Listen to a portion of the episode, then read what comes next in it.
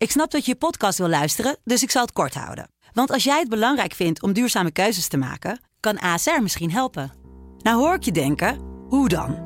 Nou, bijvoorbeeld bij het duurzaam herstellen van schade. Of de premies die we beleggen volgens ons duurzaam beleggingsbeleid. Dat bepaalt waar we wel en juist niet in investeren. Wil je meer weten over welke duurzame keuzes ASR maakt? Ga dan naar asr.nl slash duurzame keuzes. ASR doet het. Zo, dan kan je nu lekker naar je podcast luisteren. Deze podcast is mede mogelijk gemaakt door Obam Investment Management. Al ruim 85 jaar Nederlandse beleggingshistorie met beleggen in aandelen wereldwijd.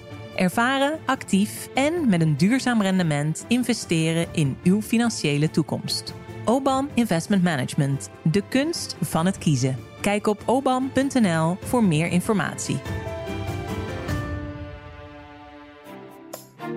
Waarom doen bedrijven dit? Greedflation. Omdat het kan. En waarom kan het? Omdat er in veel gevallen imperfecte concurrentie is. En daar is toch wel degelijk de politiek aan zetten. Dit is Kwestie van Centen, een podcast van de Financiële Telegraaf met Martin Visser en Robert Ophorst. 17 cent, Martin Visser. 17 cent. Ja, laat dat maar even op je inwerken. Ja, zeker. Zoveel rente heb ik afgelopen jaar ontvangen uh, over mijn spaargeld. Oh, dan moet je heel rijk zijn. Ja, ja, ja. dat kan dan niet anders. ik heb vrij laat mijn uh, aangifte inkomstenbelasting gedaan dit jaar. Ik weet dat wij hier een paar collega's op de redactie uh, rond hebben lopen van de krant. Die, die zijn er altijd als de kippen bij. Die doen geloof ik zo'n beetje in de eerste minuut dat dat kan elk jaar hun, hun aangifte. Ik heb niet zo goed waarom ook. Wat is daar de sport van? Nou, daar maken ze volgens mij een sport van. Ja, ik, ik, ik heb dat, het vlak voor 1 mei gedaan. Ja, nou ik ook dit ja. jaar. En dan, nou, dan, dan, toen pakte ik dus ook mijn mijn uh, jaaropgave van mijn bank erbij. En toen werd ik geconfronteerd met uh, dat ik maar 17 cent uh, rente heb ontvangen over mijn spaargeld. Nou is mijn spaarsaldo ook vrij bescheiden, moet ik zeggen. Ik val ruim binnen de fiscale vrijstelling, zullen we maar, maar zeggen. dus geen belasting over die 17 cent te betalen. dus dat scheelt dan weer. ja, maar wel flink boven wat het Nibud adviseert om ons appeltje voor de dorst achter de hand te houden. Maar nee, ik keek er toch ja, wel een beetje van een beetje herleiden in welke orde van grootte het moeten zoeken. Ja, ja, precies. um, ik weet het eerlijk gezegd niet. Uh, ik heb zo gruwelijk veel geld dat ik gewoon niet eens weet dat de rente... Nee, ik heb geen idee. Maar dat is natuurlijk heel weinig. Ja, sparen doen dus helemaal niet al de hele tijd niet meer voor de rente. Nee. nee inmiddels heeft de spaarrente wel de weg uh, omhoog weer wat gevonden. Ja, aarzelend. Dat wel. Precies, echt hard gaat het nog niet. Sterker nog, het gaat uh, opvallend traag. En ondertussen verdienen de banken goudgeld. En daar gaan we het deze kwestie van cent over hebben. Ja. Het geld klotst werkelijk tegen de plinten bij de grote banken. De hypotheekrente schiet omhoog, maar de spaarrente die blijft dus ontvallend laag. Worden we als consumenten bedonderd? Welke rol speelt de Nederlandse bank in dit verhaal? En wat zijn de risico's op een langere termijn voor de grote banken? Rennen rekeninghouders straks massaal weg naar nieuwkomers op de markt, zoals Apple? ING heeft afgelopen kwartaal flink meer winst gemaakt dan vorig jaar. Net als andere banken profiteert ING van de marges op de rentetarieven. Mensen met leningen betalen fors meer dan een paar jaar geleden. Aan de andere kant is ING veel minder kwijt aan rente op spaargeld. Die loopt wel wat op, maar niet zo hard als rente op leningen. Een bank knijpt spaarder af, kopten we donderdagochtend op de voorpagina van de Telegraaf boven jouw verhaal, Martin. Ja. Leg even uit, wat is er aan de hand? Wat er aan de hand is, is dat uh, de rentes stijgen. Dat doet natuurlijk de centrale bank heel bewust om de inflatie in toom te houden. En um, die rente van de ECB werkt natuurlijk op allerlei manieren door in de economie. En twee zichtbare en tastbare gevolgen zijn de spaarrente en de hypotheekrente. En wat je nu ziet gebeuren is dat de spaarrente slechts heel aarzelend begint te stijgen. Nou, dat begonnen al. En dat de hypotheekrente wel heel vrolijk de marktrente volgt. Sterker nog, ver de marktrente vooruit snelt. En bij een bank heet dat een rentemarge. Dus banken zijn spekkoper en boeken dus deze week ING en ABN AMRO boeken dus recordwinsten. En dan heb je dus nu naast de, het gewone bedrijfsleven ook duidelijk de financiële sector die ondanks een dikke energiecrisis gewoon topwinsten draaien uh, dankzij die rentemarge uh, ja. die gemaakt wordt. Ja, want ik zei het geld klotst tegen de plinten bij de grote banken. Hoe, hoe goed boeren die dan? Nou, bijvoorbeeld ING had een, uh, had een winst van 1,6 miljard in het eerste kwartaal. En dat is een vier, ver viervoudiging bijna van wat het een jaar geleden was. Toen was er overigens nog sprake van een reservering die nodig was vanwege de onzekerheid rondom de oorlog in Oekraïne. Maar ook ten opzichte van het vierde kwartaal van vorig jaar, waar, waar die Oekraïne-zorg er alweer uit de cijfers was gehaald, zeg maar, is het ook nog een, een, een forse verhoging. En het opvallende daarbij is, is dat ING ook een groot deel van die winsten rechtstreeks weer terugploegt naar aandeelhouders. anderhalf miljard in de komende maanden gaat teruggegeven worden aan aandeelhouders door aandelen in te kopen. Dan heb je dus minder aandelen waarover al die winsten te verdelen zijn. En dat, dat stuurt ook de koers. En dat is een, een manier om het geld terug te geven aan aandeelhouders. Dat zien we bij andere grote concerns buiten het financiële bedrijfsleven natuurlijk ook gebeuren omdat ze van gekkigheid anders niet weten wat ze met die winsten moeten. Dus ze kunnen dat niet investeren in dingen die misschien ook maatschappelijk nut hebben. Maar ze geven het maar terug. ABN AMRO doet het in de vorm van dividenden. Overigens is dat wel gerechtvaardigd. Dat mag ook wel gewoon. Dus vanuit die wereld, die wereld van aandeelhouders en beleggers, is het hartstikke goed nieuws. Maar waar het natuurlijk wringt is de relatie met de klant, met de consument. Waar Nederlanders natuurlijk te maken hebben met die koopkrachtproblemen, met energierekeningen, dure boodschappen zie je dat hele grote bedrijven nu ook de banken van die ja. topwinst te maken. Bij de ING is bijvoorbeeld uh, de spaarrente geloof ik nu 0,75 procent. Dat is al wel weer een stukje meer dan het was. Ja. Maar hoe verdienen ze daar dan geld op? Want dat de hypotheekrente uh, hoger is, dat snap ik. Ja. Maar hoe verdienen ze geld op die spaarrente? Nou ja, kijk bijvoorbeeld een van de manieren. Ja, je hebt allerlei manieren om dat, om dat af te zetten. Het is overal per bank heel verschillend hoe precies dat businessmodel in elkaar zit. Hoe ze eventuele renterisico's hebben afgedekt. Maar ik heb ook voor die verhalen in de krant naar een paar rentemarges gekeken. Die een indicatie geven van waar dan de winst mogelijk zit. Bijvoorbeeld spaargeld zou je bijvoorbeeld kunnen kijken naar wat geeft de bank jou als spaarder aan rente. En wat krijgt de bank van de ECB als ze dat spaargeld in Frankfurt stallen. In Nederland wordt er driftig gespaard. Dus heel veel Nederlandse banken zitten niet zo heel erg op dat spaargeld te wachten. Dat is een beetje te veel gespaargeld. Dus, dus wel degelijk mogelijk dat dat spaargeld in Frankfurt wordt gestald. En de Europese Centrale Bank geeft inmiddels 3,25% rente op overtollig geld van, eh, van de banken. Want mijn, mijn schamele spaarcentjes die ik dan uh, bij mijn bank stal, die hebben ze eigenlijk, heeft die bank eigenlijk niet nodig. Want ze het is een beetje te veel in Nederland, ja. En dat zetten ze dan in, in, in Frankfurt. Ja, als ze het niet kwijt kunnen, kunnen ze dat dan daar uh, wegzetten. Maar je kan natuurlijk ook, het is, het is tegelijkertijd ook funding voor allerlei activiteiten. Dat kan zijn voor MKB-kredieten, waar hele hoge rentepercentages inmiddels weer op worden gevraagd. Maar dat kan ook zijn voor hypotheken. Kijk, een bank verdient natuurlijk ook geld met, met het aantrekken van dit korte geld en het langdurig uitzetten. Daar zit ook een risico in. Dus ze moeten ook wel heel goed naar het risicomanagement kijken. Want jij en ik kunnen dat spaargeld meteen weer opnemen. Terwijl die hypotheek, daar zitten ze natuurlijk langjarig aan vast. Dus het is niet zonder risico. Dus dat een marge tussen zit, is ook heel logisch. Maar dat is een manier waarop natuurlijk geld wordt verdiend. Een andere manier om er tegenaan te kijken is... Ehm, nu noemde ik de spaarrente versus de rente die de ECB betaalt. Maar je kan inderdaad ook kijken naar wat de spaarrente versus de hypotheekrente. Dat daar een verschil tussen zit is natuurlijk logisch. Dus is de rente die je als klant krijgt, spaarrente, of de rente die je aan de bank betaalt in de vorm van hypotheekrente. Maar die hypotheekrente, de 10-jaarsrente, die zit uh, op, op 4, 4,5 procent. En de spaarrente is, is pas inderdaad onlangs verhoogd van een half naar, naar drie kwart procent. En die marge daartussen, die zie je echt heel veel groter worden de laatste tijd. En een derde ding waar ik naar gekeken had was de verhouding tussen de, de hypotheekrente die een bank vraagt, bijvoorbeeld de 10-jaarsrente waar ik net over had, en wat doet eigenlijk de 10-jaars marktrente op de kapitaalmarkt? Wat is bijvoorbeeld de rente op een 10 staatsobligatie? En je ziet daar de verschillen ook heel erg toenemen. Dus er zit een heel erg marge bovenop wat uh, de markt vraagt versus wat de, wat de bank aan de klanten vraagt. En blijkbaar kunnen ze zich dat veroorloven. En dat is natuurlijk wel, wel interessant om te zien. En ja, dan kan je zeggen, ja, maar eh, de banken lopen risico's en het kost ook geld om al die risico's af te dekken. Maar uit het feit dat ze van die topwinsten boeken, blijkt dus gewoon dat het inclusief de kosten van risicoafdekking, dat het toch nogal lucratief is. Ja, en je zegt terecht van uh, spaargeld kan je uh, elk moment opnemen als je wilt. Dus de banken moeten daar ook rekening mee houden. Maar Nederlanders zijn wel een zuinig volk. Hè? We sparen behoorlijk met z'n allen. Ja, ja, nee zeker. Dus een, een enorme uh, bankrun, dat is natuurlijk het uiterste geval is bij die, bij die grootbanken, ja, dat hebben we natuurlijk in de bankencrisis gezien. Maar buiten zo'n situatie om is dat heel onwaarschijnlijk. Dus ze vertrouwen erop, of ja, ze gaan er een beetje van uit dat wij, luie consument, bereid zijn om langdurig ons spaargeld voor bijna niks daar op die rekening te zetten en het toch niet weg te halen. Nou, als ik voor mezelf spreek, ben ik zo'n luie consument. Ik zit bij een van die drie grote banken. En ik weet dat ik ook zou kunnen shoppen met dat geld. En ik, toch, toch, doe ik dat niet. En zo, dat geldt dus voor heel veel Nederlanders. Uit gemak, ja, luiheid. maar ook, uh... ook, ook omdat je natuurlijk ziet van ja, wat zijn de risico's mhm. die ik loop als ik ja. geld bij een buitenlandse bank onder Hoe groot is die berg met spaargeld inmiddels? Nou, die is wel heel fors. Ik moet eerlijk zeggen dat ik de, de exacte bedragen niet meteen paraat heb. Maar het interessante is wel, we besparen natuurlijk sowieso al al fors via het pensioenstelsel. Is ook al een manier van gedwongen sparen. En daarbovenop hebben we ook gewoon op onze spaarplanboekjes grote spaarbedragen die door de crisis heen ook blijven toenemen. Je ziet af en toe misschien een beetje afvlakking van de groei. Maar dat is wel interessant ook om in Nederland te zien dat in de coronatijd is de spaarsal, die zijn natuurlijk extra hard opgelopen. We hebben destijds ook veel over geschreven. Ja, omdat er ook wel veel mensen waren die gewoon domme geld over hadden. Ja, eh, die ze de- de- niet konden de- uitgeven. Nee, precies, de kroegen waren dicht en de restaurants. En Ja. de, de, vliegtuigen stonden aan de grond. Dus en toen was het idee van, nou, daar gaan we op interen als die coronacrisis voorbij is. En dat interen is op zijn best dat we eh, minder meer sparen. Dus de spaarsaldo loopt alleen maar verderop. En eh, in Nederland loopt dat behoorlijk voorop in, in spaargeld wat, wat dat betreft.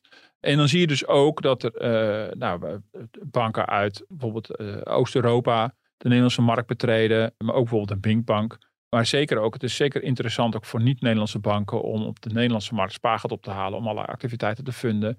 Omdat ze misschien zelf uit een land komen eh, waar niet zo overvloedig veel spaargeld is. En dat kan, als het allemaal onder het paraplu is van het Europese depositogarantiestelsel, kan dat dus ook zonder risico tot een ton.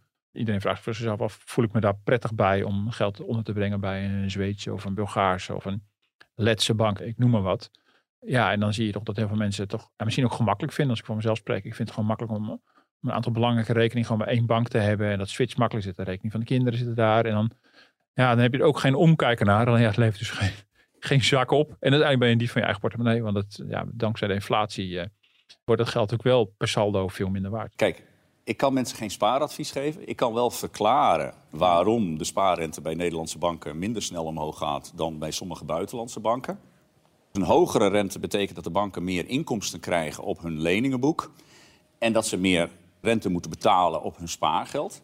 Nou is het zo dat het Nederlandse leningenboek bestaat vooral uit langlopende hypotheken... waar u en ik de rente 10, 15, 20 jaar hebben vastgezet. Maar dat betekent dat die hogere inkomsten voor de banken in Nederland... pas met een zeer grote vertraging gaan binnenkomen... en eigenlijk alleen maar op de nieuwe leningen. Ja, dit was eh, Klaas Knot, Ja. directeur van de, de Nederlandse Bank bij Buitenhof. Ja, die verdedigt eigenlijk, eh, of verklaart in ieder geval, eh, Ja. waarom banken dit doen.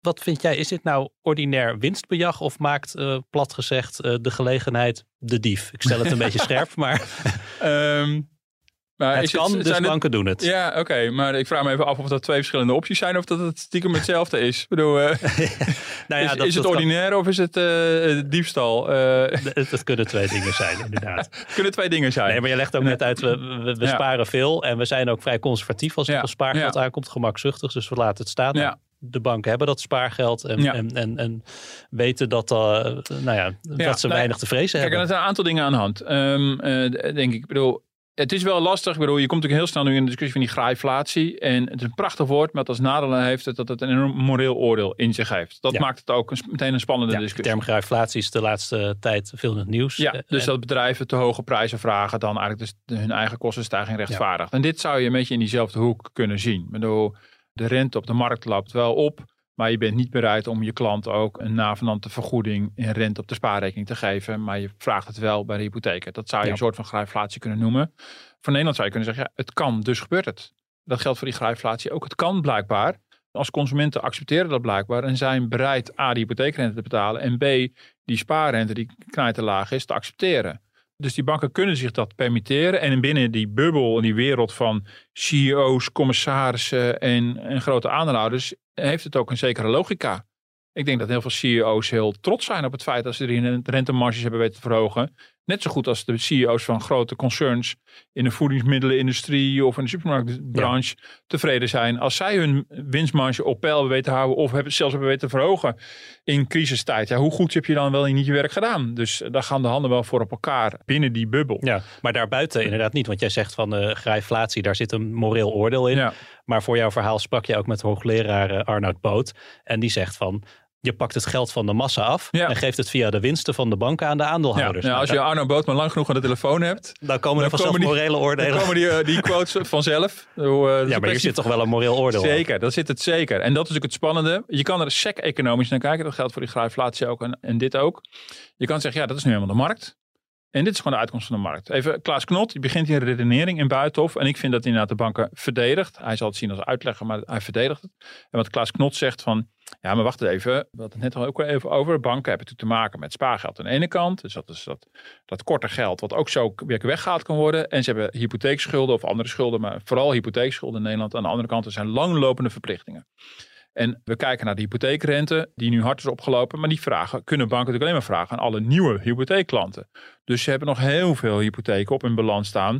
tegen nog oude rentetarieven uit de tijd ik- dat ze veel lager waren. Onze hypotheekrente staat voor de komende 17 jaar nog vast bijvoorbeeld. Ja. Dus al die tijd kunnen banken niet die hogere hypotheekrente over mijn bedrag rekenen dan. Exact. En dat is in het feitelijk kan je zeggen, ja, je kan niet helemaal de, de rentepercentage van het spaargeld wat direct opneembaar is vergelijken. Maar dat moeten ze over alle spaargeld betalen. Wanneer je het ook hebt gestald. Dus dat is een, een, variabele actuele rente. En bij de hypotheken leg je dat meestal langer vast. En mensen hebben wel een hekel aan een variabele rente op een hypotheek. En dat is toch een soort loterij waar je Ja. dan in terecht komt. Dus in die zin is dat begrijpelijk.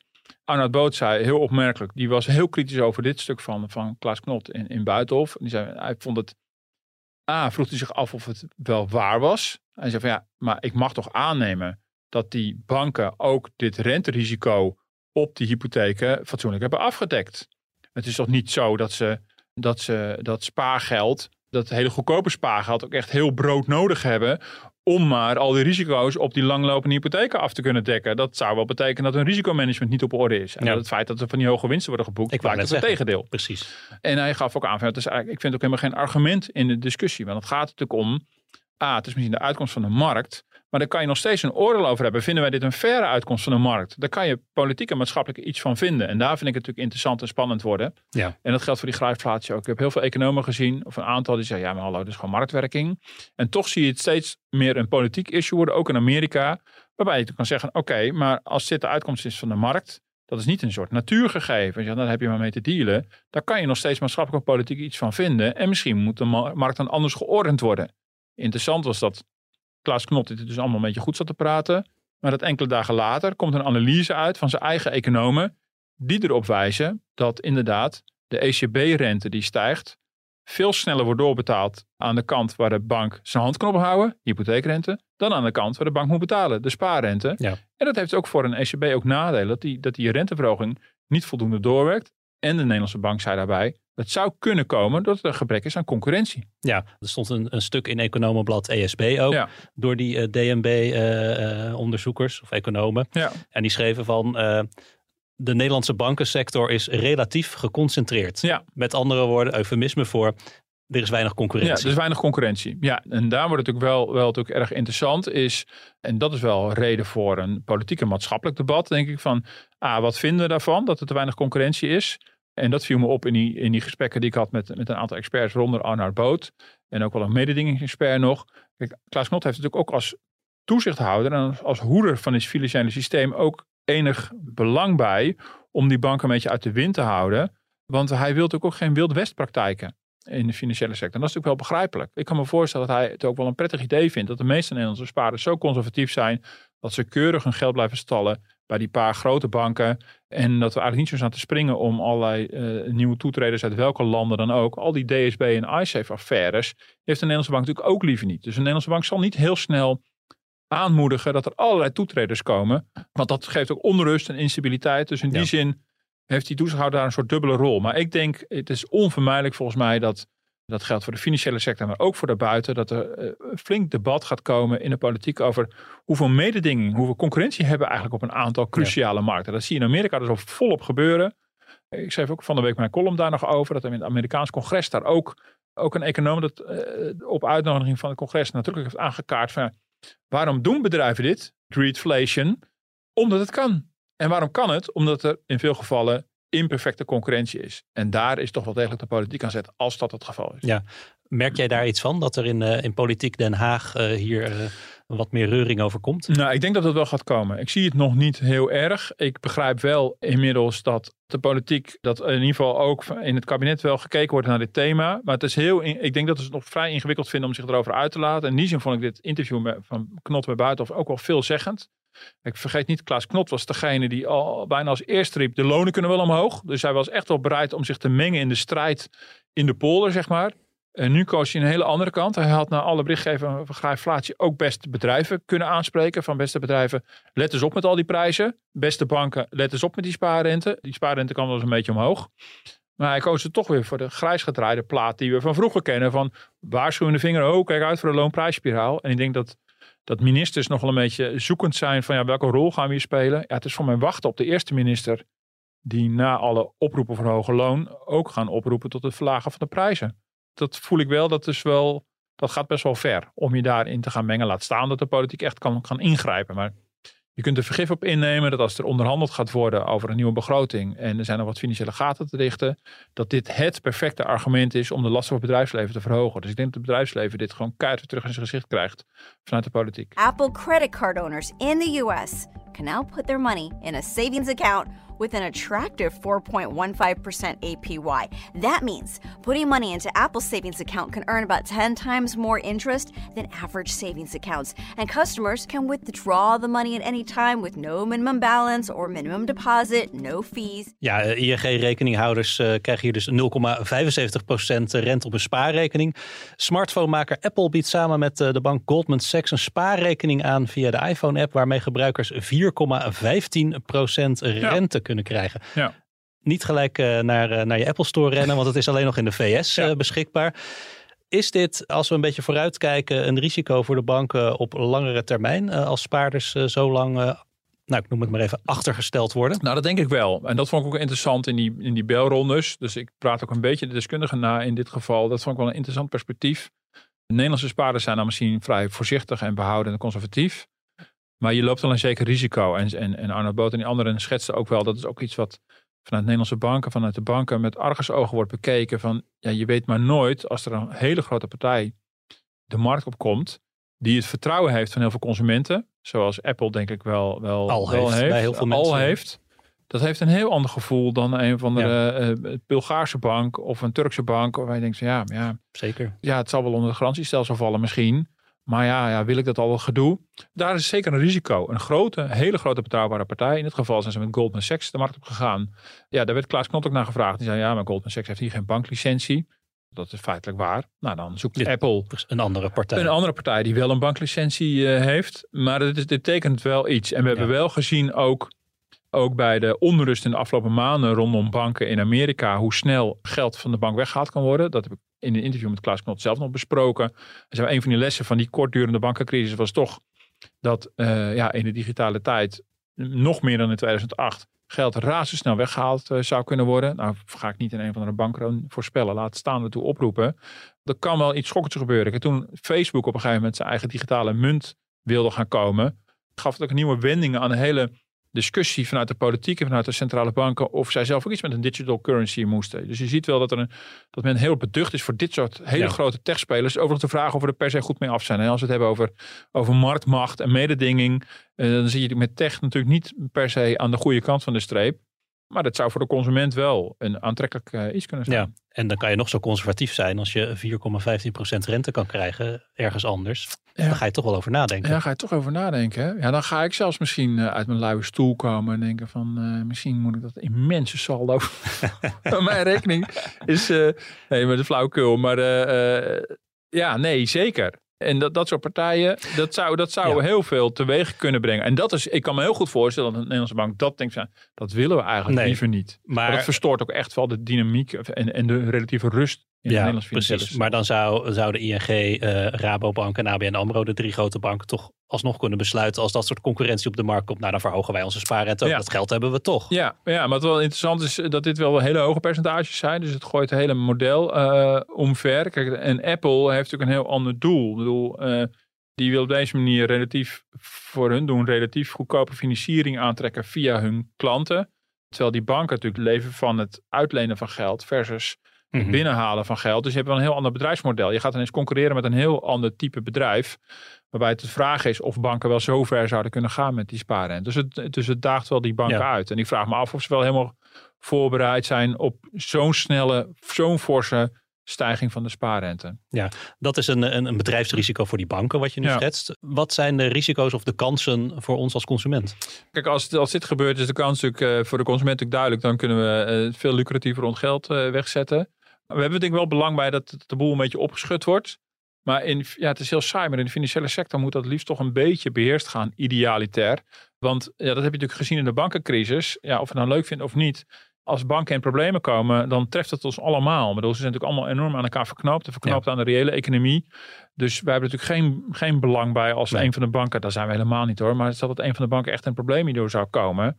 Dat geeft heel veel onrust en, en reuring. Dus dat wil je natuurlijk ook niet. Dus het liefst zou je natuurlijk willen dat banken gaandeweg toch een beetje uit deze oligopolie-denken stappen. Eh, het idee van, nou, met z'n drieën hebben ongeveer alle macht in handen. En je ziet dat de politiek heel lang dat wel geprobeerd heeft. Er is heel veel debat geweest na de kredietcrisis over hoe moet ons bankenlandschap er eigenlijk idealiter uitzien. En dat was niet primair gericht op van er moet meer concurrentie komen, maar misschien wel meer diversiteit van verschillende soorten banken. Ja, daar is nog niet zo heel veel van terechtgekomen. Ja, de Volksbank is nog steeds 100% van de staat. Maar niet omdat er nou zo'n geweldige visie achter zit over dat de Volksbank een ander type bank moet zijn. Want dat ze gewoon niet zo goed weten wat ze ermee aan moeten. Nou, ABN AMRO was tot voor kort voor meer dan de helft van de staat. Inmiddels is het iets minder dan de helft. En ABN AMRO begint zich gewoon steeds meer gewoon te gedragen als een ING. Ondanks dat de staat nog steeds een groot aandeelhouder is. En de staat gaat daar ook gewoon flinke dividenden in. Dus de staat doet als aandeelhouder daar gewoon vrolijk mee met het spelletje. Dus ja, we hebben er nog steeds wel belang bij dat er wel nagedacht wordt over nou, hoe zorgen we dat we een divers bankenlandschap hebben? Dat iedereen aan zijn trekken komt. Een banken die uh, de maatschappelijke rol veel hoger in het vaandel hebben. Misschien een bank die meer voor het MKB is. Typische spaarbanken. Ja, dat is eigenlijk niet zo goed van de grond gekomen. En zijn de banken niet zo heel gek veel veranderd ten opzichte van die crisis. Behalve dat ze dan wel wat kleiner zijn geworden. Ja, daar klinkt hij alweer. De, de, de bel van de rondvraag. Ik ga eerst even zeggen dat we in Nederland 463 eh, miljoen 166.000 euro uh, geld bij elkaar sparen. Miljard. Dat zeg ik nog verkeerd ook. Ik heb het snel even opgezocht. Het zat me toch niet lekker dat ik het niet wist. 436 miljard. Iets minder dan de helft van het BBP in Nederland. Maar goed, ja. had je nog te goed de statistiek. En dat is exclusief de pensioenpot. Dat is exclusief de pensioenpot. Die komen er nog eens een keer bovenop. Nou goed, in pensioen, uh, dit is echt tussen 1200 en 1500 miljard. Dus bij elkaar sparen ons helemaal de maar dat hebben we allemaal lekker veilig belegd in, uh, in wapens en uh, bloeddiamanten. Ja, en bij uh, grijflerende bedrijven. Want daar zijn we ook aandeelhouder van het pensioenfonds. maar goed, maar voor de rondvraag wilde ik toch nog even... Ik heb het al eerder gehad over mijn, mijn, mijn Cosmos boek wat ik gelezen had. En het ontstaan van de tijd van Thomas Hertog. En ik heb de man geïnterviewd, een, een Vlaamse hoogleraar... die 20 jaar met Stephen Hawking heeft samengewerkt. Ik heb hem opgezocht in Cambridge. En dit weekend staat het verhaal dan eindelijk in de krant. Ik ben heel benieuwd wat mensen ervan vinden. Ik vroeg net aan de eindredacteur, was het nog een beetje te begrijpen? Het is echt wel hogere wiskunde. Maar ik heb er op zijn minst zelf heel veel plezier aan en wat, wat zei de eindredacteur? Die zei, ik moest het drie keer lezen. Nou, ik weet niet of je dat serieus meende. Nou, ik heb maar het... ik heb toch geprobeerd om, eh, om een beetje bij de techniek weg te blijven. En deze man die alles weet over oerknal, zwarte gaten, sterren, weet ik veel allemaal. Toch gewoon te vragen van, waar komt de mens vandaan? Waarom zijn we hier? De grote vragen van het leven, die gaan we in twee pagina's allemaal antwoord op geven. Antwoord op geven. de, zin, de zin van het leven. Ja, nee, ik heb het, het verhaal staat inderdaad zaterdag in de krant. Ik heb het net ook al uh, even gelezen en ik vond het wel begrijpelijk. Oh, je vond het wel begrijpelijk? Oh, Zeker, ja. ja. ja goed. Wat heb jij eh, nog op je leven? Ik, uh, ik heb een ouderwetse muziektip. Ik heb al de hele, de hele week het nummer Golden Years in mijn hoofd van David Bowie. Oh, ja. Nou, Gouden Bergen voor de banken, maar ook Golden Years voor de erven David Bowie. De man is al sinds 2016, zeg ik even uit mijn hoofd, dood. Maar de schoorsteen moet nog roken, dus er komen heel de tijd nieuwe reissues uit, maar ook remixes. Nou, die, die, die heruitgaven zijn meestal overbodig en die remixes zijn meestal verschrikkelijk. Ja. Maar er is nu een, een remix van het nummer Golden Years van uh, een Amerikaanse artiest Toki Monsta. Amerikaans-Koreaans is, zoals ik het goed mm. begrijp. En dat is wel echt een uh, lekker nummer, vind ik zelf. Dus, oh, die ken ik zelf ook nog niet, dus dan ga ik zeker even Jij bent ook een David Bowie. Ja, zeker, toch? Ik heb zeker. hier wel eens met een Siggy Stardust mok zien rondlopen, ja, geloof klopt, ik. Ja, ja, ja. Nee, die ken ik nog niet. Nou, goede tip. Goeie Kijk tip. even op Spotify. En, ja, ga ik doen. Dank voor nu en uh, tot de volgende. Tot volgende week.